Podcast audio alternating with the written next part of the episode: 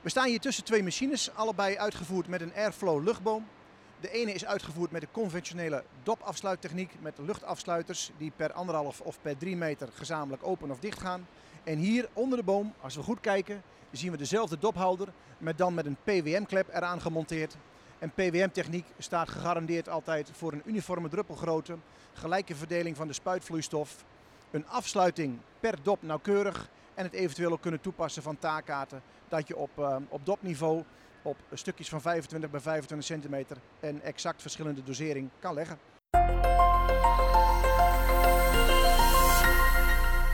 In 2030 moet de landbouw met 50% minder middel uh, werken dan ze het in de periode 2017-2020 deden. Die besparing, die enorme besparing, moet vooral komen uit de techniek, de spuittechniek. We zijn bij Agrivac in Steenwijk, daar praten we met Maarten Visser, verkoopmanager spuitmachines. Gaat dat lukken? Natuurlijk gaat dat lukken. Alleen dat heeft wel um, van heel veel kanten heel veel input nodig. En uh, ja, daar zijn we eigenlijk uh, de hele week mee bezig om daar zoveel mogelijk zaken aan voor te bereiden. En um, ja, wij laten ook op al diverse plaatsen zien dat het al aan het lukken is. En dan uh, praat ik bijvoorbeeld over buitenland, waar ook de eisen steeds hoger worden. Dus we hebben er alle vertrouwen in dat wij daar als Agrivac een onderscheidende rol in kunnen gaan spelen. Bij Agrivac zijn we al een, ruime tijd bezig met allerlei soorten van driftarme technieken. En uh, daar horen uh, sleepdoeken bij, daar horen magneetsystemen bij, daar horen ook luchtondersteuningssystemen bij en daar hoort ook inderdaad PWM-techniek bij. En wat wij op dit moment zien is dat er onder heel veel klanten toch een stukje onwetendheid heerst van ja, wat is nu per saldo voor ons de beste of CQ de minst slechte oplossing. Um, leidraad daarbij is in menig geval natuurlijk de DRD en de DRT-lijst. En wat het CTGB is voor de toelating van de middelen, is de TCT, het instituut voor de toelating van de verschillende technieken. Leg nog even uit DRT en DRTD. De DRD-lijst is de driftarme doppellijst die door de TCT wordt beheerd. En dat zijn alle toelatingen waarbij um, bij welke druk een bepaalde dop een bepaalde driftreductie mm -hmm. creëert. En dat is dan vaak uh, opgedeeld in de 75, 90, 95 of eventueel nog een hogere uh, klasse. Dat is de doppenlijst. En daarnaast is er een DRT-lijst, de zogenaamde driftarme technieklijst, waar alle combinaties met bepaalde technieken worden gecombineerd. Dat een dop, wanneer die bijvoorbeeld gebruikt wordt op een lagere boomhoogte en bij een versmalde dopafstand in de DRT-lijst um, van 50 naar bijvoorbeeld 90 procent zal gaan. En dat is bijvoorbeeld sleepdoek of, of, of een luchtboom? Of, Juist, ja. ja. Ja, en um, ja, dat is de vereiste. Op het uh, middel, op het etiket staat uh, welke tilvrije zone men moet hanteren bij een bepaalde techniek en bij een bepaalde toepassing um, per dop. Dus dat is de leidraad waar onze klanten uh, zich aan moeten houden. Um, het is zo dat in die DRT-lijst, uh, is natuurlijk de meest uitgebreide lijst, daar staan technieken in die uh, in de hoogste kwalificaties kunnen komen. En die technieken zijn met name door de overheid bepaald op het niet wegwaaien van het middel. Daarom is het ook ja, een driftarme ja. technieklijst. En les 1 in spuittechniek is altijd dat hoe groter de druppel wordt, des te minder snel zal die wegwaaien. Dat geeft een gigantische vooruitgang in de driftreductie. Maar wat de meeste uh, ondernemers willen met hun spuit is toch een goede bedekking van hun gewassen, van hun producten. En dat kun je juist niet met een grove druppel creëren. Want drift reduceren op zich, dat is geen kunst. Dat kan heel makkelijk. Als je, maar, je kletst het er maar uit. Juist. We weten allemaal, als u uh, de tuin sproeit en u doet niet de duim voor de slang, dan komt er een hele dikke straal uit. Die waait niet weg. Maar zo gauw als je de slang afknijpt, dan krijgen we fijne druppeltjes. En die komen verder, maar die zijn ook meer driftgevoelig. En waarvoor zitten onze klanten in het veld? Om hun gewasbeschermingsmiddelen op een optimale manier te gaan benutten. En dat is niet door ze lukraak met grove druppels maar te verspreiden, maar door juist op een goede toepassing daar ervoor te zorgen waar ze horen. Ja, en dat is jullie, jullie zoektocht eigenlijk om combinatie met Juist. maximale bedekking, ja. minimaal drift. Ja, en dat zien we ook dat de afgelopen jaren um, onze klanten daar in een, uh, in een, best wel een uitdagende positie hebben gezeten. Want die hebben een aantal investeringen gedaan. En ik noem één als voorbeeld bijvoorbeeld een, een aantal luchtinjectiedoppen, die nu bijvoorbeeld bij 3 bar gebruikt mogen worden zonder druklogger. Dat is gewoon een conventionele luchtinjectiedop. Mm -hmm. Daar kan men uh, gewoon normaal mee spuiten. Alleen wat heel veel mensen zagen is dat als je hetzelfde volume blijft gebruiken als bijvoorbeeld in het verleden met een Airmix dop bij een hogere druk ja. en die dop gaat nu naar een grove druppel toe, dan is het logisch dat grove druppels veel minder effect hebben. Dus we zagen ook in diverse gewassen een veel hogere onkruiddruk, slechtere ziek, uh, ziektebestrijding, doordat het druppelspectrum gaat veranderen. Nou, dan staat ook nog in die DRT-lijst natuurlijk een eindkolom waar je in wil zitten. En als Ja. je als klant daar bijvoorbeeld de makkelijkste of de beste uitzoekt, dan is dat niet meteen een garantie voor een goed eindresultaat. En het mooiste voorbeeld vind ik eh, een, een bepaald type Legler-dop, die zelfs bij 5 bar 95% driftarm is, terwijl Ja. het in principe eh, eigenlijk een soort van kunstmestdop is. Ja, dus een fantastisch eh, reductieresultaat. Inderdaad, maar als je kunstmest wil spuiten, dan wil je met name geen bedekking, want bedekking betekent verbranding. Branding, ja. Dus dat bedoelen we dat onze klanten moeten daar kritisch in zijn, eh, want driftreductie wil niet meteen zeggen een garantie voor een goed Is, is, dat ingewikkeld? Kun je dat op een A4 eh, uitschrijven naar je klanten stuurt en zo? Dat stuk hebben we ook weer gehad. Nou, we hebben het vorig jaar op een, eh, ik zou bijna zeggen, een A2 geprobeerd. Want A4 lukt niet, A3 ook niet. Dus het is een heel groot, een groot overzicht geworden. Het is een zoektocht.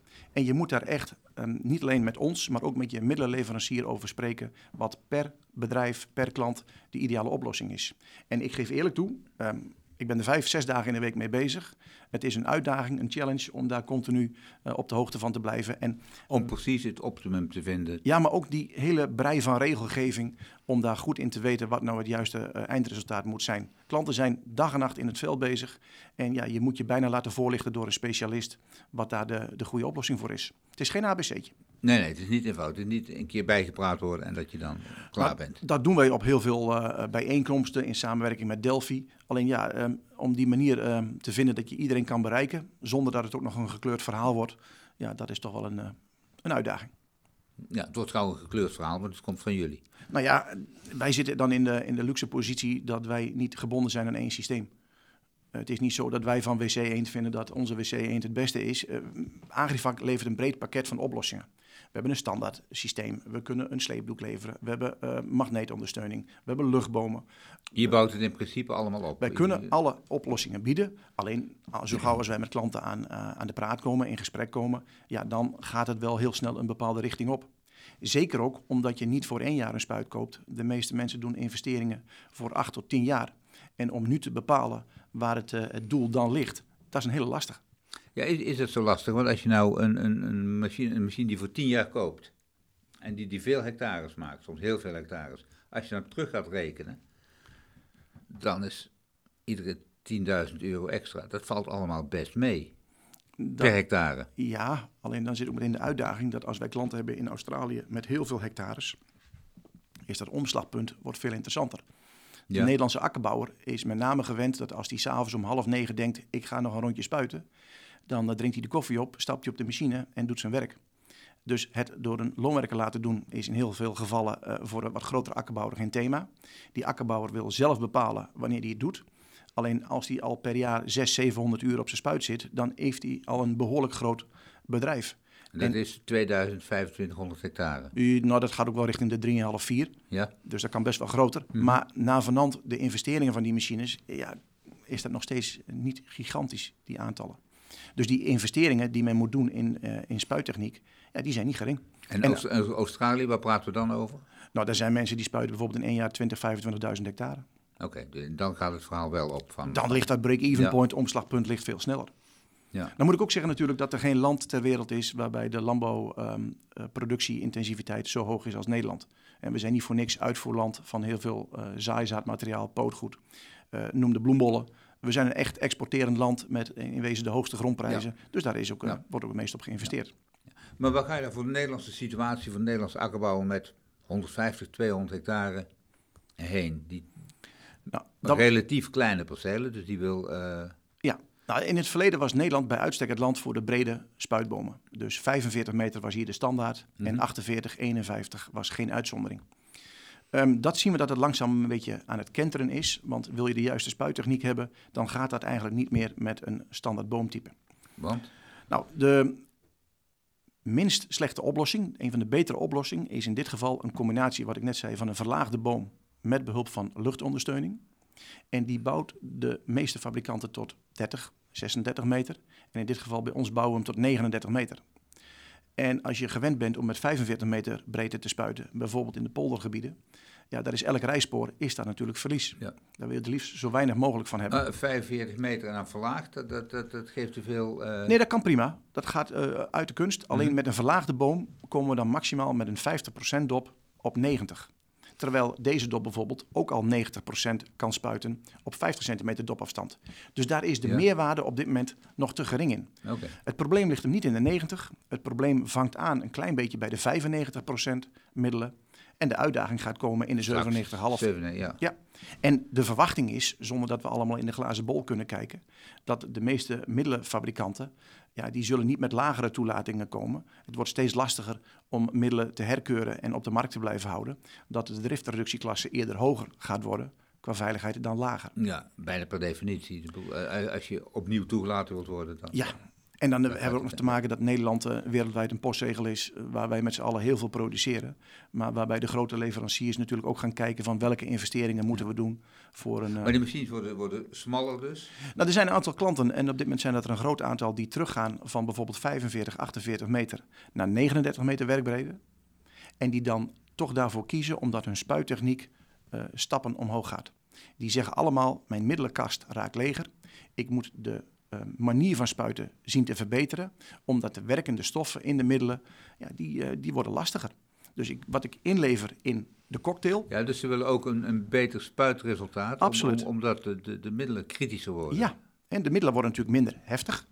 We hadden Ja. vroeger natuurlijk een aantal padenmiddelen die langzamerhand natuurlijk van de, van de markt verdwijnen. En dit jaar was bij uitstek een jaar waar je dat weer kon zien. Eh, vorige week hadden we een, eh, een, een voordracht voor wat middelbare landbouwscholieren. En eh, ja, die mannen wisten sinds dit jaar weer hoe Vitoftra eruit zag, hoe Gele Roest eruit zag en hoe Meeldauw eruit zag. Maar zou, zou je kunnen zeggen dat de mate van Vitoftra-aantasting dit jaar ergens te relateren is aan de gebruikte spuittechniek? Ja, ik ben van mening dat als wij de afgelopen 15, 20 jaar bekijken en we komen van de, de, de werveldoppen of eventueel de XR-doppen, die wel niet de beste driftreductie hadden, maar qua spuittechniek een magnifieke bedekking hadden. Daar hebben we de afgelopen jaren op heel veel plekken ingeleverd met de beperkte doppenkeuze die er was.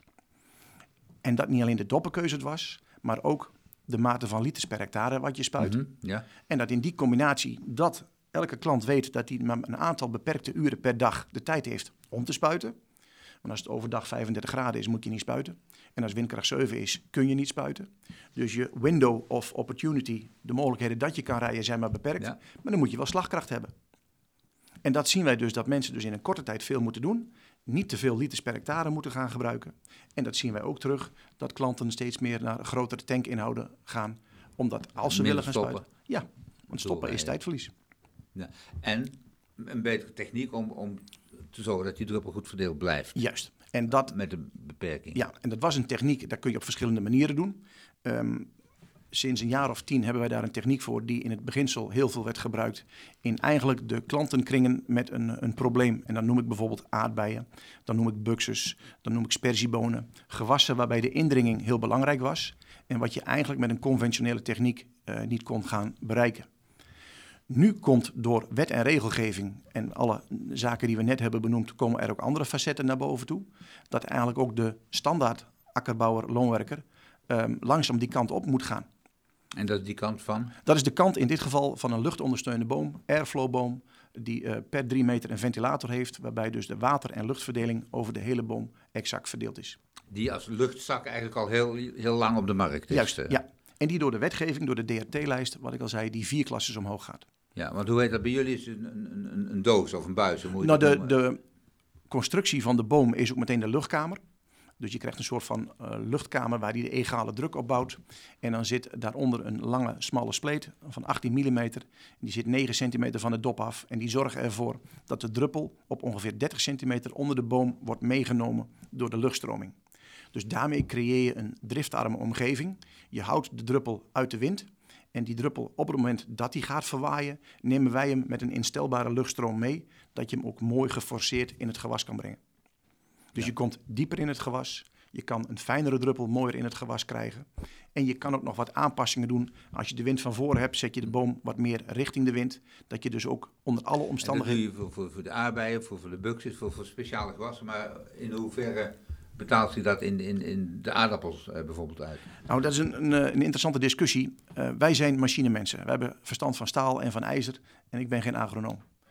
Er zijn genoeg klanten die na drie, vier jaar bij ons terugkomen en die zeggen van wij kunnen hele interessante besparingen gaan toepassen.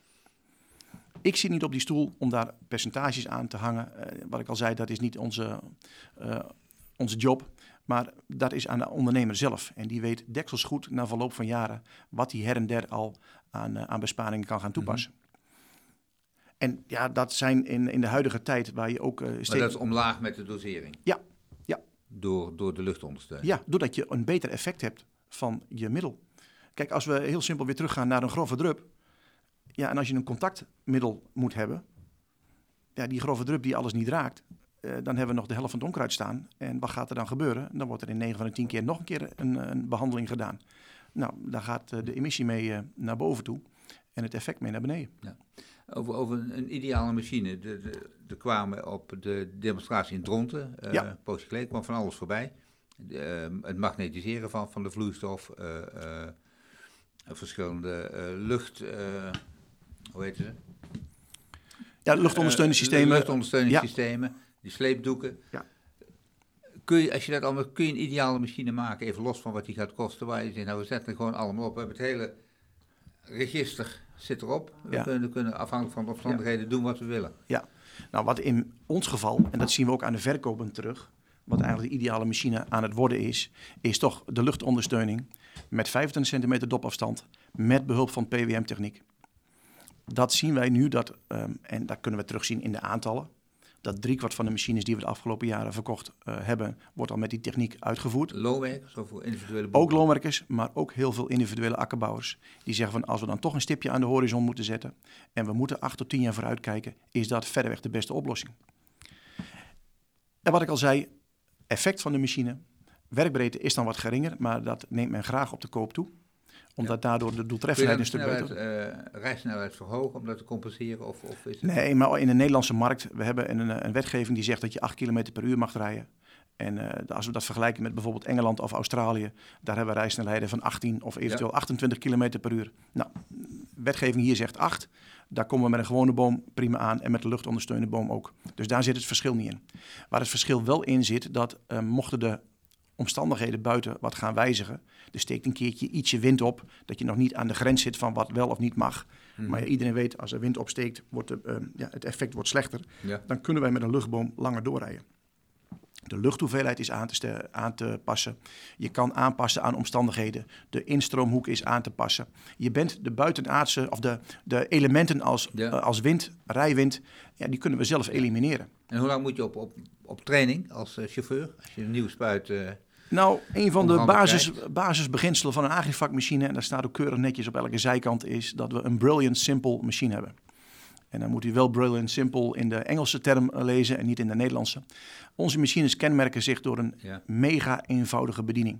Eh, ons display is eh, als een iPad, daar staat Ja. nauwelijks geen tekst in. ja, nee, de, de bediening, maar ook de afweging. De, de landbouwkundige afweging die je maakt. Ik ga dit doen of ik ga bij deze wind, ga ik... Ga ik Nou, daar doen wij mensen in trainen. Wij hebben nu zelfs ook een aantal ehm, mensen aangetrokken die ook, ehm, terwijl wij geen adviseur worden van het middel, maar wij willen wel een gedeeltelijk adviseur gaan worden in de spuittechniek.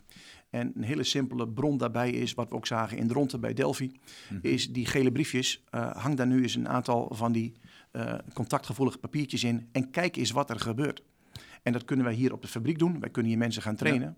Maar ehm, ja, wij zijn nu bezig om eh, een aantal van die voorbeelden ook aan klanten mee te geven. Dat ze zelf ervaren wat er moet gebeuren. Doen ze dat? Ga- Ja, zeker. Gaat iemand met water aan de slag om het, eh, een nieuwe machine Ja, eh, in te leren? Of, ja. of Nee, dat gebeurt absoluut. En een heel leuk voorbeeld hadden we van een klant in, ehm, in Drenthe. Vader en zoon. Het was wel koud, zeiden ze. Maar het eerste half uur zat senior op de machine en liep zoon naast de boom en druk met elkaar aan het bellen van doe nu eens dit, doe eens dat. Na een half uur werd er gewisseld. Dat je ook vanuit de cabine ehm, het gevoel krijgt wat er onder Ja. die boom gebeurt. En dan is zien is geloven.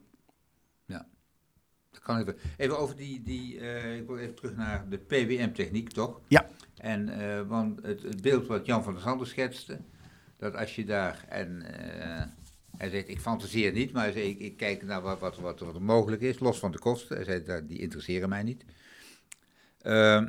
Dat er heel veel kan. Dat, dat je dus gewoon, eh, als de aardappeltjes boven komen, eh, en dan zijn ze 5 of 10 centimeter breed, staan ze op de rug, kun je die specifiek gaan spuiten. Ja. En niet de, de, de, de 60 centimeter daarnaast. Dat is een hele goede opmerking van, eh, van Jan, want hij fantaseert inderdaad niet. Want sinds dit voorjaar hebben wij een drie, viertal machines al op die manier rijden. Ehm, de vraag kwam met name uit de pootgoedteelt. Zo gauw Mhm. als die aardappel door de rug breekt, dan ja, wordt er vaak gespoten, want dan begint de luizendruk al. En inderdaad, precies wat u schetst, je eh, spuit zeg maar 5 tot 8 centimeter en de overige 65 centimeter, ja, doet pijn, is jammer, heb je niet nodig. Ja. Nou, dan is in ons geval maken we daar een boom, die dopafstand is 25 centimeter. Dan kunnen we elektrisch vanuit de cabine de doppen aanzetten die midden boven de rug zitten. En we schakelen de tussenliggende doppen uit. Dus je spuit alleen maar exact midden boven de rug. Op een breed, maar wel breder dan, dan 10 centimeter. Ja, ja, ja, dat zijn de conventionele Ja. 90 graden doppen. En die doen wij ook nog steeds in combinatie met lucht. Dus het wil niet zeggen dat je dan bijvoorbeeld heel smal spuit. Er zijn speciale type doppen, een flat spray, eh, fan, waarbij je een heel smal strookje kan gaan spuiten. Alleen ja, de aardappelen zijn nooit allemaal uniform, dus je zult daar een zekere marge in Ja, moeten houden. ja. Dus we doen dat met de standaard techniek. Ehm, en daar hebben we een aantal klanten al eh, bij gehad die zeiden van we hebben daar al enorm veel mee kunnen besparen. En dan is de financiële besparing is één. Die is natuurlijk interessant om de terugverdiendheid eh, te Mhm. verkorten. Maar dit jaar was een jaar waarbij men zei: het is zo'n lastig seizoen. De meeste middelen hebben een maximale hoeveelheid actieve stof per hectare wat je kan gebruiken. En wat ik die eerste twee, drie rondes heb bespaard, Daar had ik aan het einde van het ja. seizoen had Ja. ik die nog dubbel en dwars nodig om mijn boekhouding rond te Ja. krijgen. En dan praat je over reducties van in het begin 50%. Ja, eh, ja. ja. ja. of soms, soms nog wel meer. ja. En dan eh, het interessante was bijvoorbeeld de volgende keer een onkruidbestrijding. De meeste onkruidbestrijdingen zijn voor het doelgewas nou niet echt positief. En de meeste Nee. aardappelen en bieten gaan er niet harder van groeien. Nou, je ook niet. Nee. Nou, dat bedoel ik. Wat we dan doen is dat we de dop boven de rug uitzetten. En daar heb je natuurlijk ook al een klein beetje, als de plant is volgroeid, een wat schaduwwerking op het onderliggende onkruid. En dat we alleen maar de onkruidbestrijding doen eh, tussen de rug. En Ja. dat is dus met die twee doppen die er dan tussen liggen.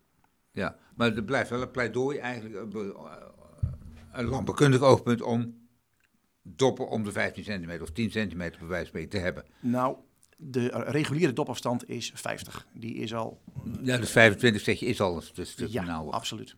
Ook omdat de, ja, de, bij een dopafstand van 50 centimeter hoort een tophoek van 110, 120, 130 graden. Bij een dopafstand van 25 eh, centimeter is, zijn dat de 80, 90 graden doppen. En Ja. dat is op dit moment ook een klein beetje de bottleneck, dat de ontwikkeling van doppen, ja, daar ligt de uitdaging. Eh, wat we net zeiden, dat we met een verlaagde boom van 50 naar 90 gingen. Er zijn nog nauwelijks doppen beschikbaar die 75% zijn, waarbij we misschien naar 95 zouden kunnen gaan. Ook weer twee klassen omhoog. Of bijvoorbeeld een 90 graden dop die 90% zou zijn, die dan naar de 97,5 gaat. En dat is ook een reëel verhaal als wij eh, de heren spreken van de leveranciers van de doppen. Ja, die willen allerlei dingen onderzoeken en testen, maar ook die moeten een eindpunt hebben waar het doel ligt. En als die dan kijken naar Nederland met een bepaalde omzet, ja, dan is Ja. er in het verleden heel veel getest, veel geïnvesteerd en inderdaad nooit ten gelde gebracht. Ja. Maar terugkomend op de, op de, de rijenbespuiting of om de PWM-techniek, ja, dat gaat magnifiek met zo'n systeem. PWM-techniek in de variatie, hè? dus eh, da- da- da- daar wordt het veel voor, eh, voor Ja. genoemd om eh, variabel, pleksgewijs Ja. te kunnen spuiten. Jullie hadden afgelopen winter, was het deze winter in de sneeuw, Ja. mooie afbeelding van de Mona Lisa Ja. eh, met, met, met een, een roze spuitvloeistof in de, in de sneeuw Ja, gespoten. het was bietensap. Het was bietensap, oké, dus dat, dat was ook allemaal nog eh, Ja, oké. hadden we over nagedacht. Rode bietensap. Ja. Ja. Nou, dat was eigenlijk ons doel om een klein beetje in Jip en Janneke taal uit te leggen eh, wat toch wel deze ingewikkelde materie is.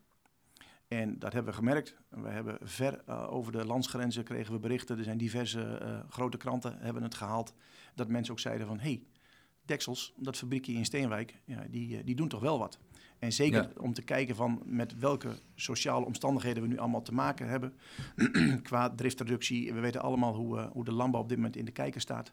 Ja, zijn we daar gewoon ontzettend goed mee bezig. Ja. De essentie van de PWM-klep, die is natuurlijk, eh, die loopt al langer. Maar het eerste doel wat hij had in het buitenland was natuurlijk niet meteen het eerste doel in Nederland. En dan bedoel ik eigenlijk de bochtcorrectie. En de, de eerste aanleiding van een PWM... in Nederland is dat een doel. Nee, in het buitenland Oh, in met het name. buitenland juist. oké. Dus als je hele grote percelen hebt met hele lange bochten of je spuit pivots of al dat soort zaken, Mhm, mhm. ja, dan heb je heel veel last dat een boom in de buitenbocht Ja. ja. over de 100 km per uur gaat. En als het niet eh, een beetje tegen zit, in de binnenbocht zelfs teruggaat. Ja. Nou, dan is een PWM-techniek perfect, want dan kan die overal dat aanpassen. Nou, we hebben best wel wat bochten in Nederland. Maar, Maar de, de- dat is de- eigenlijk de, de, de achtergrond geweest om dat te ontwikkelen, om, om, om bochten netjes uit te Dat was één van de redenen. Oké, Ja. ja. nou, in Nederland proberen we toch door verkaveling de meeste percelen aardig recht toe recht aan te maken. En als we een bocht hebben, dan doen we hem vaak uitlijnen met de GPS en spuit je er één keer voor langs. De hoofdreden waarom PWM denk ik belangrijk wordt in Nederland is altijd een uniforme druppelgrootte te hebben. Iedereen die ooit met een spuit heeft gereden, die weet als die 300 liter per hectare wil spuiten en die rijdt vanuit de hoek weg, dan zal de druk op anderhalve bar staan. Bij een bepaalde dop hoort daar een grove druppel bij. En zo gauw als je naar de 6, 7, 8 km per uur Mhm. gaat, dan moet de druk omhoog, want ik wil diezelfde liters per hectare gaan behalen. Maar bij een hogere druk hoort een fijne druppel. Nou, dus dan heb je dus altijd een verschillend druppelspectrum. En dat is nou juist niet wat we willen met een veldspuit. Nou, dan is de crux van een, eh, een PWM-klep is dat zijn druk altijd vaststaat. En de afgifte aan de hand van de rijsnelheid wordt geregeld door de Ja. frequentie van de dop. Maar je een- praat eigenlijk steeds meer over uniform, uniform spuiten met de PWM-dop, Yes. als juist gevarieerd spuiten. Nou, maar ik bedoel uniform in Ja. druppelgrootte. Neem ook uniforme hoeveelheid in, in, in bochten bij het, bij het Ja, op, oh zo, op, ja. op gang komen. Dus ik wil overal evenveel en met de juiste druppel geven. Terwijl het ook heel vaak wordt gekoppeld aan variabel spuiten. Eh, Ja, maar dat is ook een doel. Alleen dat is een ander doel dan bijvoorbeeld een ziektebestrijding waar je alles overal exact Ja. gelijk wil hebben. Kijk, ziektebestrijdingen zijn in vele gevallen een soort van preventiebestrijdingen. Het toepassen van vloeibare kunstmest, als je daar een, een goede taakkaart voor hebt, is bij uitstek de manier om niet een standaard eh, laag eroverheen te leggen die overal gelijk is. Nou, dan is het mooie dat met ja, de PWM-klep je beide doelen maximaal kan gaan behalen. ja. Dus dat is één. Ehm, de bochtcorrectie blijft instaan. De, ehm, de uni- uniforme druppelgrootte is natuurlijk heel, veel- heel erg belangrijk. Daarbij hoort per dop afsluitbaar. We kwamen in het verleden natuurlijk van sectieafsluiting van 6 meter, 4,5. Nou, sinds de laatste 10 jaar Drie. is dat eigenlijk 3. ja. Eh merendeel gaat nu naar de anderhalve meter. Maar in dit geval is natuurlijk per 25 centimeter dop af te sluiten. Ja, secuurder kan het niet. En dat geldt ook voor een taakkaart maken. Als wij op 25 centimeter niveau taakkaarten maken, dan leggen we een hectare verdeeld in 160.000 verschillende vakjes. En u had het net over tegels van 30 bij 30. Ze zijn zelfs nog ietsje kleiner. Ja. Ja, dus wij kunnen dat En die moet je dan ook kunnen spuiten. Of zo'n taakkaart moet je uit kunnen voeren. Ja, ja. En dat kan dus. En dat kan. Daarom zit daar een, een behoorlijke grote eh, apparatuur eh, in eh, met, met zware processoren die toch heel veel data moeten verwerken. En dan, dan is een taakkaart in Nederland van 40 hectare is een hele grote. Maar in, eh, in Australië komen ze tegen van 6 en 700 hectare. Dus dan kunt u enige ja, eh, inschatting die, die- maken. Die, die kan verwerken. juist hoeveel data er door die Ja. kabel heen moet. Ja. Is, is er nog een reden om geen PWM-techniek, om een, op een nieuwe spuit te kopen? Dat ligt aan de toepassing waarmee je hem gebruikt. Dus welke driftarme aanvullende techniek je eh, daarbij aan koppelt. Op dit moment is, als je op een uniforme spuit rijdt met 50 centimeter dopafstand, bij 50 centimeter boomhoogte, zijn er qua doppenlijst maar een beperkt aantal doppen mogelijk die met de PWM-techniek kunnen werken en kunnen variëren. Waarbij het effect zal ontstaan dat de druppelverdeling, de bedekking, Ja. niet naar boven gaat. Maar goed, die komen dan tussen nu en een paar jaar, die doppen. Ja, dat wordt in onderweg heel veel gesuggereerd. Daar is men ongetwijfeld mee bezig. Alleen dat roepen we al een jaar of twee, drie, vier. Maar die spuit koop, koop je voor tien jaar. Dat Ja, bedoel ik. Dus, ja. En dan om op iemands blauwe ogen af te gaan van ze zullen wel komen, eh, dat is nogal een uitspraak. Kun je hem later opbouwen, hoor, die, die PWM? Maar dat kost natuurlijk een hoop geld als je dat naar de Ja. hand ook nog doet. Nee, in ons geval gaat het niet, want je komt aan een compleet andere bekabelingsstructuur uit. Dus dat moet je eigenlijk op voorhand doen. Ja. Dus even terugkomen op uw vraag. Zijn er reden om niet voor PWM te kiezen?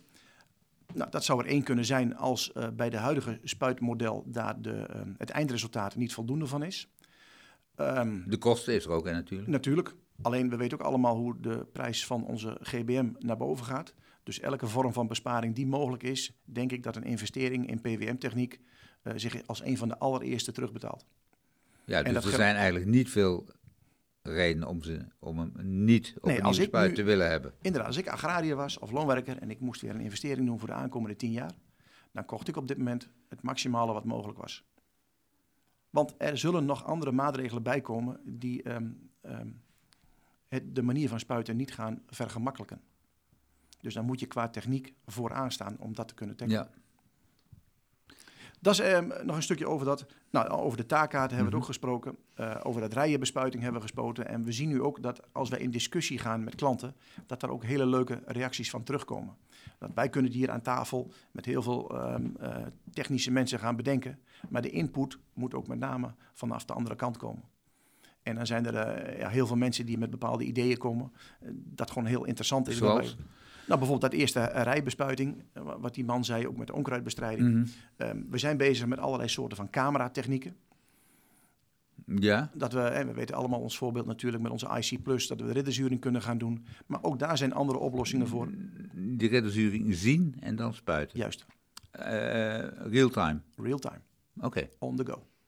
Dat doen we al sinds 2,5 jaar met loonbedrijf De Samenwerking in Elslo, hier vlakbij in de buurt. Ja. En ehm, ja, daar komen ook hele interessante resultaten uit. Dat doen wij in het buitenland al op veel grotere schaal.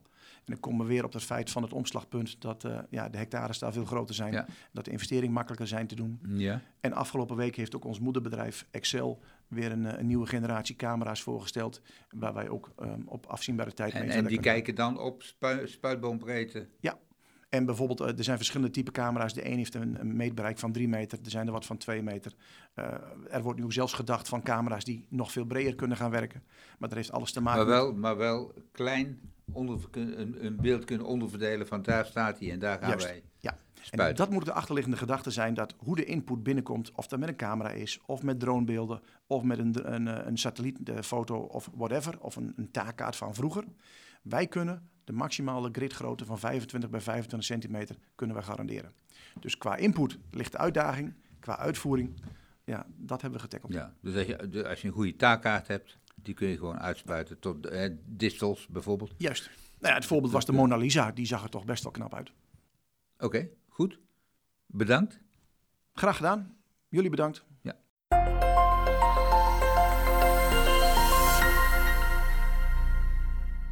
Wil je meer weten over eh, precisielandbouw? Kijk op boerderij. Meer specifiek kijk op boerderij naar het thema precisielandbouw. Op boerderij.nl en anders ook in Boerderij Magazine.